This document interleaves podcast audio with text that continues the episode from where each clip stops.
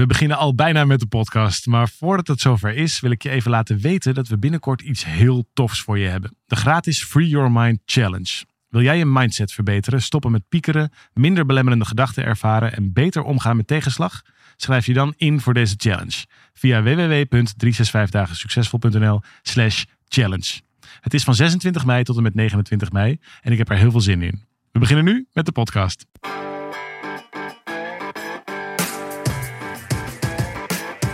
Van harte welkom bij deze podcast van 365 dagen succesvol. Wij zijn David en Arjan en we delen in deze podcast de eye-openers die cruciaal zijn voor een gelukkiger leven.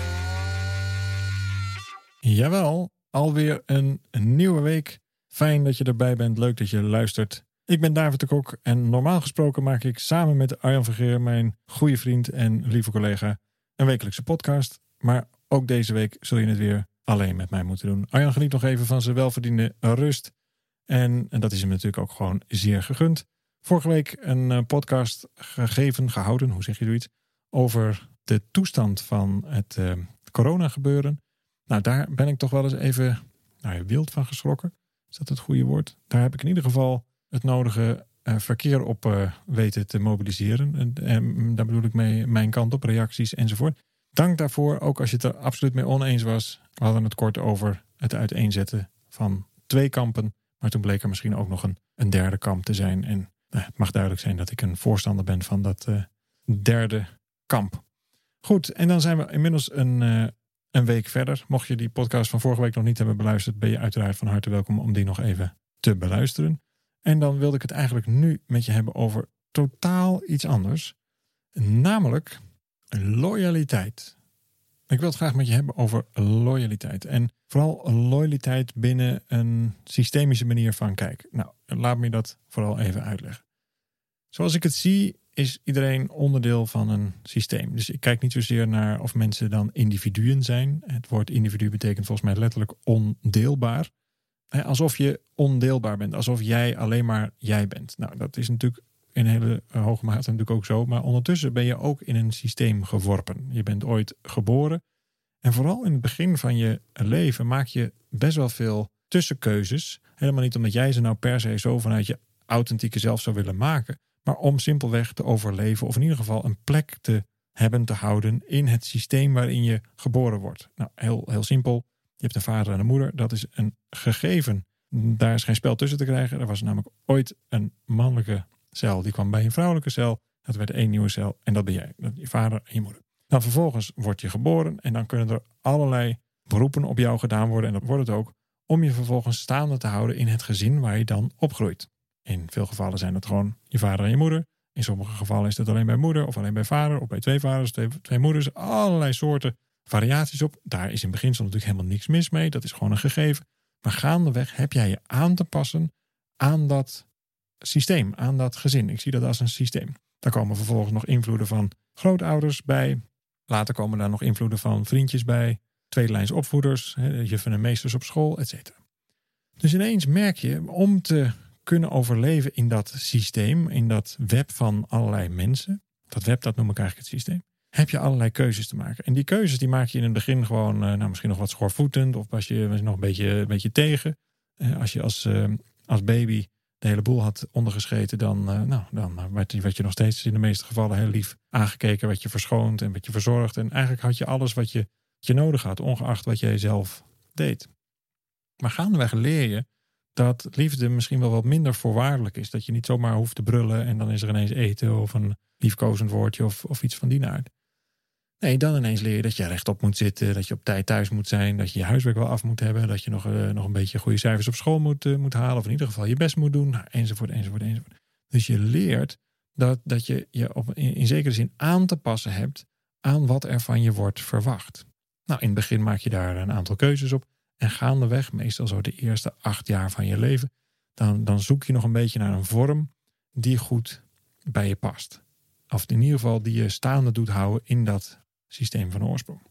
En nou vind ik, vind ik het leuk om even een sprongetje te maken naar iets wat er gebeurde een, um, een week geleden in mijn, in mijn eigen leven. En, en dan weer terug te gaan naar, naar dit verhaal van de keuzes die je maakt in, in het begin van je leven. Bepalen voor een heel groot deel de, de keuzes later in je leven. Wat was er namelijk aan de hand? ik loop door mijn huis en ik woon hier met mijn eh, gezin en met Emanuele woon ik hier op een boot vlak bij ons kantoor.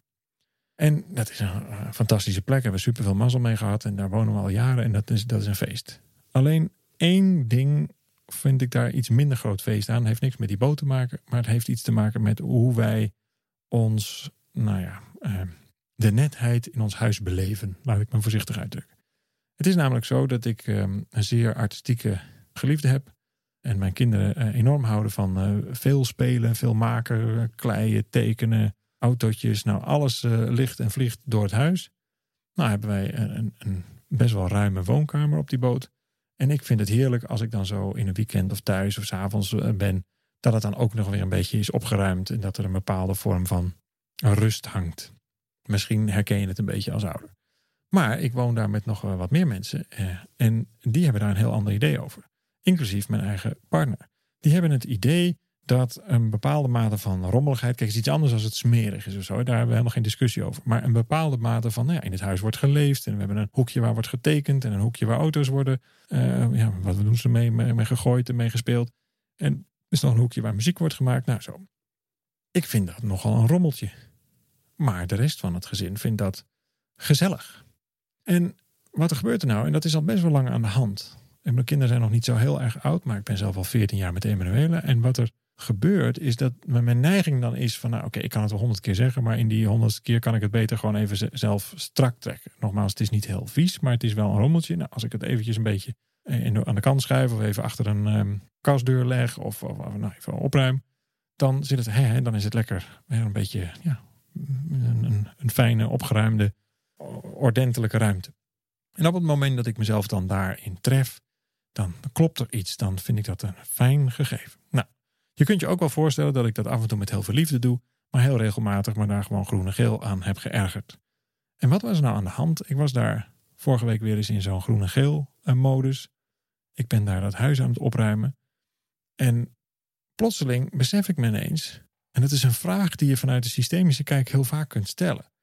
Waar komt dit gevoel nou vandaan? En een andere manier om dat te vragen is: aan wie ben ik nou eigenlijk loyaal? Waarom maak ik dit zo belangrijk? Is dat dan zomaar omdat ik dat nou helemaal authentiek vanuit dat ondeelbare zelf dan zo ontzettend belangrijk vind? Ik functioneer namelijk niet per se heel veel slechter.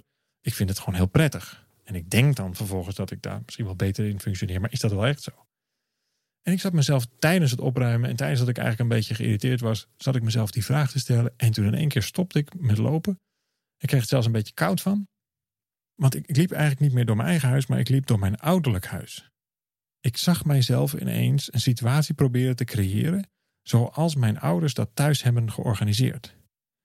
En ik had het toevallig er vandaag met mijn zus over. En het woord steriel viel daar.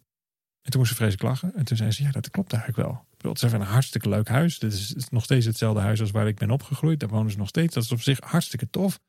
En ik vind het, en zij vond het op haar manier ook, maar het is wat steriel. Het is zo opgeruimd dat het bijna een soort, ja, we maakten de grap, de vergelijking met een operatiezaal. Ik bedoel, hartstikke smaakvol en sfeervol, daar gaat het helemaal niet over. Maar het is wel super opgeruimd. Alles zit keurig in kastjes en opgestapeld en alles wat je open doet, is helemaal geordend. Nou, en toen liep ik vervolgens door, door mijn eigen huis weer en toen dacht ik, wacht even, ik ben waarschijnlijk loyaal aan dat systeem. Eigenlijk wil ik dat mijn huis ook lijkt op dat. Maar toen vervolgens besefte ik me: oké, maar hoe zou het nou zijn? Stel dat Emanuele en de kinderen hier niet meer zo'n rommel zouden maken. Of anders gezegd, stel dat ze hier. Want de enige manier waarop dat ooit zo zou gaan gebeuren is als ze er niet meer zijn. Als zij besluiten we gaan even ergens anders wonen. Of als ik zelf ergens anders zou gaan wonen. Dat lijkt me niet een hele valide reden om, uh, om zo'n enorme verscheuring uh, te bewerkstelligen. Maar je snapt wat ik bedoel. En ineens besef ik mij maar wacht eens even. Stel nou dat ik een heel opgeruimd huis zou hebben en daarmee ook het hele huis heel stil zou zijn. En dat ze met andere woorden, dat ik hun sporen niet meer tegenkom in dat huis. En toen kwam er een soort verdriet in me boven. Toen dacht ik, jeetje joh, dat, dat, dan zou ik het zo ontzettend gaan missen. En toen besefte ik me ineens, eigenlijk hou ik dus, ik hou sowieso enorm veel van mijn gezin. Maar eigenlijk hou ik ook van hun aanwezigheid. Ik zou het, als ik het om zou draaien, zou ik het juist enorm missen. Dus wat ben ik hier nou eigenlijk aan het doen? En toen viel het kwartje.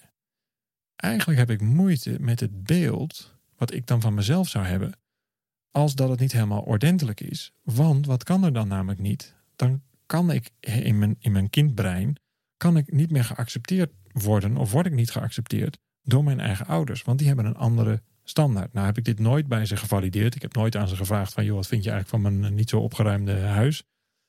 Waarschijnlijk interesseert ze het helemaal niet, want ja, moet je toch zelf weten, dit is jouw huis.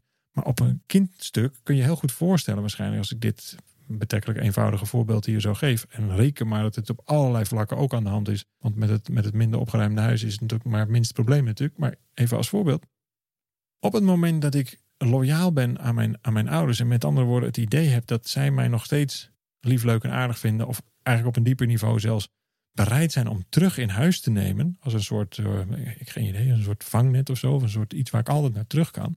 Dan heb ik loyaal te blijven aan hun systeem. Dan kan ik daar niet mee breken. En daarom raakt me dat ook zo. Daarom doet het ook, ook zeer in zekere zin. Of in ieder geval wind ik me erover op als het niet zo strak is. Alleen dat is een onbewust proces. Dus de opwinding kan ik wel waarnemen, alleen niet waarom.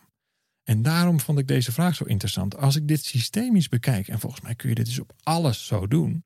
Als je dit systemisch bekijkt, waar komt deze emotie vandaan? Waar komt deze drang vandaan om het zo en zo te doen? En dus niet kijkt naar jij als individu, maar jij als systeem, dus jij als onderdeel van een groter geheel. Wie komt er dan in je boven? Nou, bij mij was het gelijk mijn moeder. Gelijk was het, die heeft het zo goed georganiseerd. En dat vind ik ook echt fantastisch. Hè? Dat, dat, bewonder ik enorm. Alleen ik krijg dat eigenlijk in mijn eigen gezin krijg ik dat niet op die manier voor elkaar. En vervolgens besefte ik me ineens: oh jee, ik ben geen acht jaar meer. Ik ben 43. Ik heb dit, dit hele stuk heb ik helemaal niet nodig. Ik kan hier veel relaxter mee omgaan. Dus ik, ik kan nu veel meer de rommel zien vanuit de aanwezigheid van mijn gezin en mij en, wij die in, in, in die ruimte leven dan dat ik iets probeer neer te zetten wat eigenlijk al lang geschiedenis is. Nou, en dan terug naar die eerste acht jaar. Op het moment dat je bent groot geworden in een systeem van ordentelijkheid. Er werd bij ons ehm, ordentelijk gestudeerd, er werd ordentelijk gesport, er werd, alles was redelijk ordentelijk, netjes georganiseerd. Dat is op zich een heel fijn en veilig kader. Dat is, dat is uh, zeer zeker waar. Ik heb daar enorm ook de vruchten van kunnen plukken. En tegelijkertijd is dat ook niet, zeker niet als ik kijk naar de keuzes die ik heb gemaakt in mijn leven. Bijvoorbeeld in welk van keuze partner ik heb gekozen of hoe ik überhaupt mijn, mijn carrière heb ingericht. Dat is veel avontuurlijker dan wat zij zouden doen. Dus ik ben al op, op een aantal punten ben ik best wel gebroken met de norm, met de, met de, met de waarden die waren meegegeven vanuit mijn gezin van oorsprong, vanuit dat systeem. Maar dit was nou zo eentje, die, die zat eigenlijk gewoon nog erin. Die heb ik nooit zo belicht. Dus op het moment dat je in dit soort situaties komt bij jezelf, stel jezelf dan de vraag van hey, aan wie ben ik dan loyaal? En als je dan kijkt naar die eerste acht jaar van je leven en op het moment dat het gaat over partnerkeuzes en als het meer gaat over intimiteit en seksualiteit, dan heb je nog te kijken naar ongeveer de eerste 16 jaar van je leven. Dan kun je daar goed in zien aan wie je nou onbewust loyaal bent gebleven. Als ik nog één klein ander uitstapje uh, maak, dan, dan zie ik ook nog wel een patroon in partnerkeuze bijvoorbeeld. Ik heb uh, in, in het begin van mijn, um, van mijn puberteit een wat langere relatie gehad met mijn buurmeisje. En dat was werkelijk geweldig. En ik kan me eigenlijk nog steeds niet zo goed herinneren waarom het nou precies uitging. Maar daar heb ik heel erg lang nog heel erg last van gehad. Dat was iets wat onbewust ook al mijn volgende partners heeft beïnvloed. Of in ieder geval mijn partnerkeuze heeft beïnvloed. Dus ik heb daar best wel lang over gedaan om op een gegeven moment te beseffen dat ik eigenlijk weer een, op zoek was naar een variant van haar. In plaats van dat ik daar vrij in was. Ja, dat is geweest. En by the way, als ik iemand probeer te vinden die dat gat dichtloopt, dan is dat, dat is natuurlijk per definitie kansloos. Want iemand anders is gewoon iemand anders. Dus ook daar was ik eigenlijk loyaal aan het beeld van nou ja, mijn eerste vriendinnetje. Maar als ik nog dieper kijk, wat, wat maakte dan dat dat ook zo leuk was. Het was natuurlijk ook gewoon een, een, een tienerliefde. Maar, maar goed, eh, wel lang en heel serieus. En, en op dat moment ook heel erg ja, allesomvattend. Als ik daar dan dieper naar kijk, dan zag ik dat ik in die partnerkeus ook vooral een partner had gekozen. Bij toeval wellicht, maar ja, ze wonen bij mij in de straat. Die mijn ouders ontzettend tof vonden. Dus wij waren ook met elkaar en ik voelde me ook enorm welkom bij haar ouders. En we liepen natuurlijk constant bij elkaar de deur plat. En we gingen met elkaar vakantie en we vierden kerst en oud en nieuw met elkaar enzovoort. Dus dat was ook een soort extended family. We begonnen heel erg in elkaars familiesysteem op te gaan. En dat gevoel, dat gevoel van een soort, soort totaalbeleving. Iemand die je helemaal accepteert, die ook helemaal jouw familie accepteert en andersom. En kwam bij haar, bij haar opa en oma, enzovoort, enzovoort, enzovoort. Dat gaat dus veel verder dan alleen maar vind ik jou leuk of vind je mij leuk. Dat gaat ook veel verder dan een hooiverkering of, of een handje vasthouden op het schoplijn. Dat is opgaan in het systeem van een ander. Nou, op een gegeven moment hield die relatie op na, na 3,5 jaar. En op het moment dat, dat je daar, daar, later kun je pas vaak voelen van hé, hey, wat, wat speelde hier nou eigenlijk? Maar het heeft een ontzettend belangrijke, misschien wel meest cruciale rol gespeeld in in wat voor partners ik wel of niet uitkoos daarna. En je kunt je misschien voorstellen, dat was een stuk minder vrij. Want ik wilde eigenlijk dat fijne gevoel, dat, complete gevoel weer terug. Ik wilde vervolgens ook heel graag dat dat gewoon bij mijn ouderlijk huis ook allemaal geaccepteerd zou worden. En dat we weer allemaal in elkaar op konden gaan. En dat het gewoon weer één mooi, prachtig, happy family groot, groot ding werd. Werd het het dan vervolgens? Nou, in heel veel gevallen niet. In heel veel gevallen was dat ook door uh, ja, door, door de zienswereld van anderen natuurlijk. Ja, het was niet mijn eerste vriendinnetje. Het, was, het waren nieuwe vriendinnetjes, of het was een nieuwe lange relatie, of het was dit of het was dat. Het ging daar heel duidelijk heel anders. Pas toen ik zag, want dat is wel interessant, want ik ben haar tien jaar later weer opnieuw tegengekomen. Dus toen was ik al eind, eind twintig. Toen ben ik haar weer opnieuw tegengekomen. Toen hebben we een, nog, nog een korte tijd met elkaar gedate. En toen pas konden we elkaar in de ogen kijken en zien voor wie we waren geworden. En toen pas konden we eigenlijk afscheid van elkaar nemen op een hele mooie manier. Wel een hele fijne tijd met elkaar gedeeld. En toen pas waren we, ik denk allebei, maar in ieder geval ik, waren we pas echt vrij van elkaar. Het was zo prachtig om dat, om dat ook zo te zien. Want we konden wel heel erg loyaal blijven aan dat beeld dat we dachten te hebben gehad. Maar de realiteit had ons inmiddels ingehaald. En toen pas kon ik me voor een langere periode aan iemand verbinden waar ik overigens nog steeds mee ben. En kon zij zich voor een langere periode verbinden aan iemand waar ze overigens ook nog steeds mee is. Dus interessant genoeg, als je kijkt naar, naar de keuzes die je maakt, maar vooral naar de irritaties die je opvoelt borrelen of de frustraties die je misschien wel herkent in je leven. Stel jezelf dan de vraag: aan wie ben ik nou eigenlijk loyaal? En op het moment dat je dat systemisch bekijkt, dan, dan haal je dat dus eigenlijk nooit vanuit jezelf. Jij voelt het wel, je neemt het wel waar. Maar vaak is het een projectie of het wordt vertegenwoordigd door iets of iemand anders. En als je begint door te krijgen wie dat dan is, wie ben je eigenlijk niet bereid teleur te stellen? Of van wie zou je heel graag de goedkeuring willen? Dan kom je heel vaak uit in het systeem van oorsprong. Het zou ook heel goed kunnen dat het nog opa en oma is. Of het zouden ook nou, de eerdere geliefdes kunnen zijn, et cetera. Maar om het simpel te houden, kijk eens of dat in de eerste paar belangrijke personen van je leven, in die eerste acht jaar, wie zou dat kunnen zijn? Vaak weet, weet je het gelijk. Vaak, vaak popt er gelijk een, een gezicht op. En alleen al die gedachte, alleen al het besef hey, wacht even, dat hoef ik niet alleen maar als individu met mijzelf uit te gaan dokteren. Maar juist, dat mag in een groter perspectief. hey, we zijn met z'n allen één systeem. Als je dit nog verder uitzoomt, ja, dan wordt het eigenlijk nog interessanter. Want we kunnen helemaal niet zonder elkaar. Daar, dan kom je op een heel nieuw gesprek. Nou, daar gaan we het ook nog een keer over hebben. Maar dan heb je het eigenlijk over wat, hè, wat is dan dat zelf? Want, want dat hele zelf zou je daarvan zou je eigenlijk kunnen zeggen, ja, dat bestaat helemaal niet. Zoals jij denkt dat het bestaat, dat is zo onder invloed van alles met wie je verbonden bent en met wie je verbonden bent geweest, ja, dat je veel meer zou kunnen zeggen dat zelf is eigenlijk opgebouwd uit allemaal stukjes omgeving. Je bent eigenlijk al aan het opgaan in een groter geheel. Nou, als je dat begint te zien, dan kun je jezelf andere vragen gaan stellen. Dan gaat het dus veel meer over hey, aan wie ben ik loyaal? Aan wie heb ik allerlei draadjes nog gekoppeld van vroeger uit? En omdat je het niet opnieuw hebt bedacht, omdat je er nooit bij stil hebt gestaan, of in ieder geval ik heb daar nooit op dit niveau bij stilgestaan eerder, is het dus eigenlijk nog een achtjarig kind in mijn geval, wat de besluiten neemt in mijn brein van inmiddels 43 jaar oud. Ik probeerde gewoon nog steeds dat huis zo netjes te hebben, of later probeer ik nog steeds het, hetzelfde soort partnergevoel of, of gezinssituatie te, te maken als dat ik dacht dat ik moest creëren toen ik 8 of 15 of 16 jaar oud was. Inmiddels ben ik 43 en mag ik weer opnieuw kiezen. En zodra dit bewustzijn over je keuzes heen begint te vallen, komt er ook een beetje keuzevrijheid in. Want in eerste instantie is het, hé, hey, wacht even, hé hey mam, daar ben je. Nou, hartstikke fijn. Ik ben super trots op je dat jij je huis zo doet. En wij doen het op onze manier. En ineens ben ik zoveel relaxter.